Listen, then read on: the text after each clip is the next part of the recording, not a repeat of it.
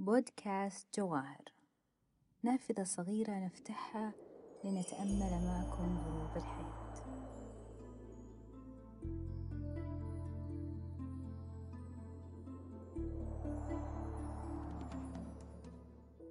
خرج من منزله يجر أذيال الهموم متلحفا شال الغموم يرفع بصره إلى سماء كاسفة ريحها عاصفة رعود بلا مطر وبرق يعمي النظر فيخفضه حزنا إلى أرض قاحلة أغوارها خالية وأشجارها خاوية وردها شوك وزرعها تراه حطاما بعد اصفراره.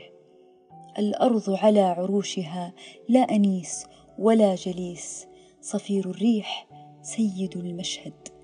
كأنه عزيف جن فلا دبيب ولا نحيب. عصب عينيه بجفنه وعاد أدراجه إلى بيته مستلقيا على خوفه يتلحف حزنه. وإبان ذلك يرمق في رفه الرث العتيق. كتاب قد اعتلاه الغبار فوثب مهرولا يضمه إلى صدره ويكفكف غبار التقصير عنه متذكرا عظمته ومكانه. وأخذ يقلب صفحاته متلهفا لعل فيه مخرجه. فوقعت عيناه على نص عظيم في كتاب كريم باعثا للأمل يحيي الكلل. سيجعل الله بعد عسر يسرا. رددها كثيرا حتى خالجت مشاعره وعالقت شغاف قلبه فأحيت ظلمته وخلعت قناع اليأس ومنظار التشاؤم ولباس القنوط.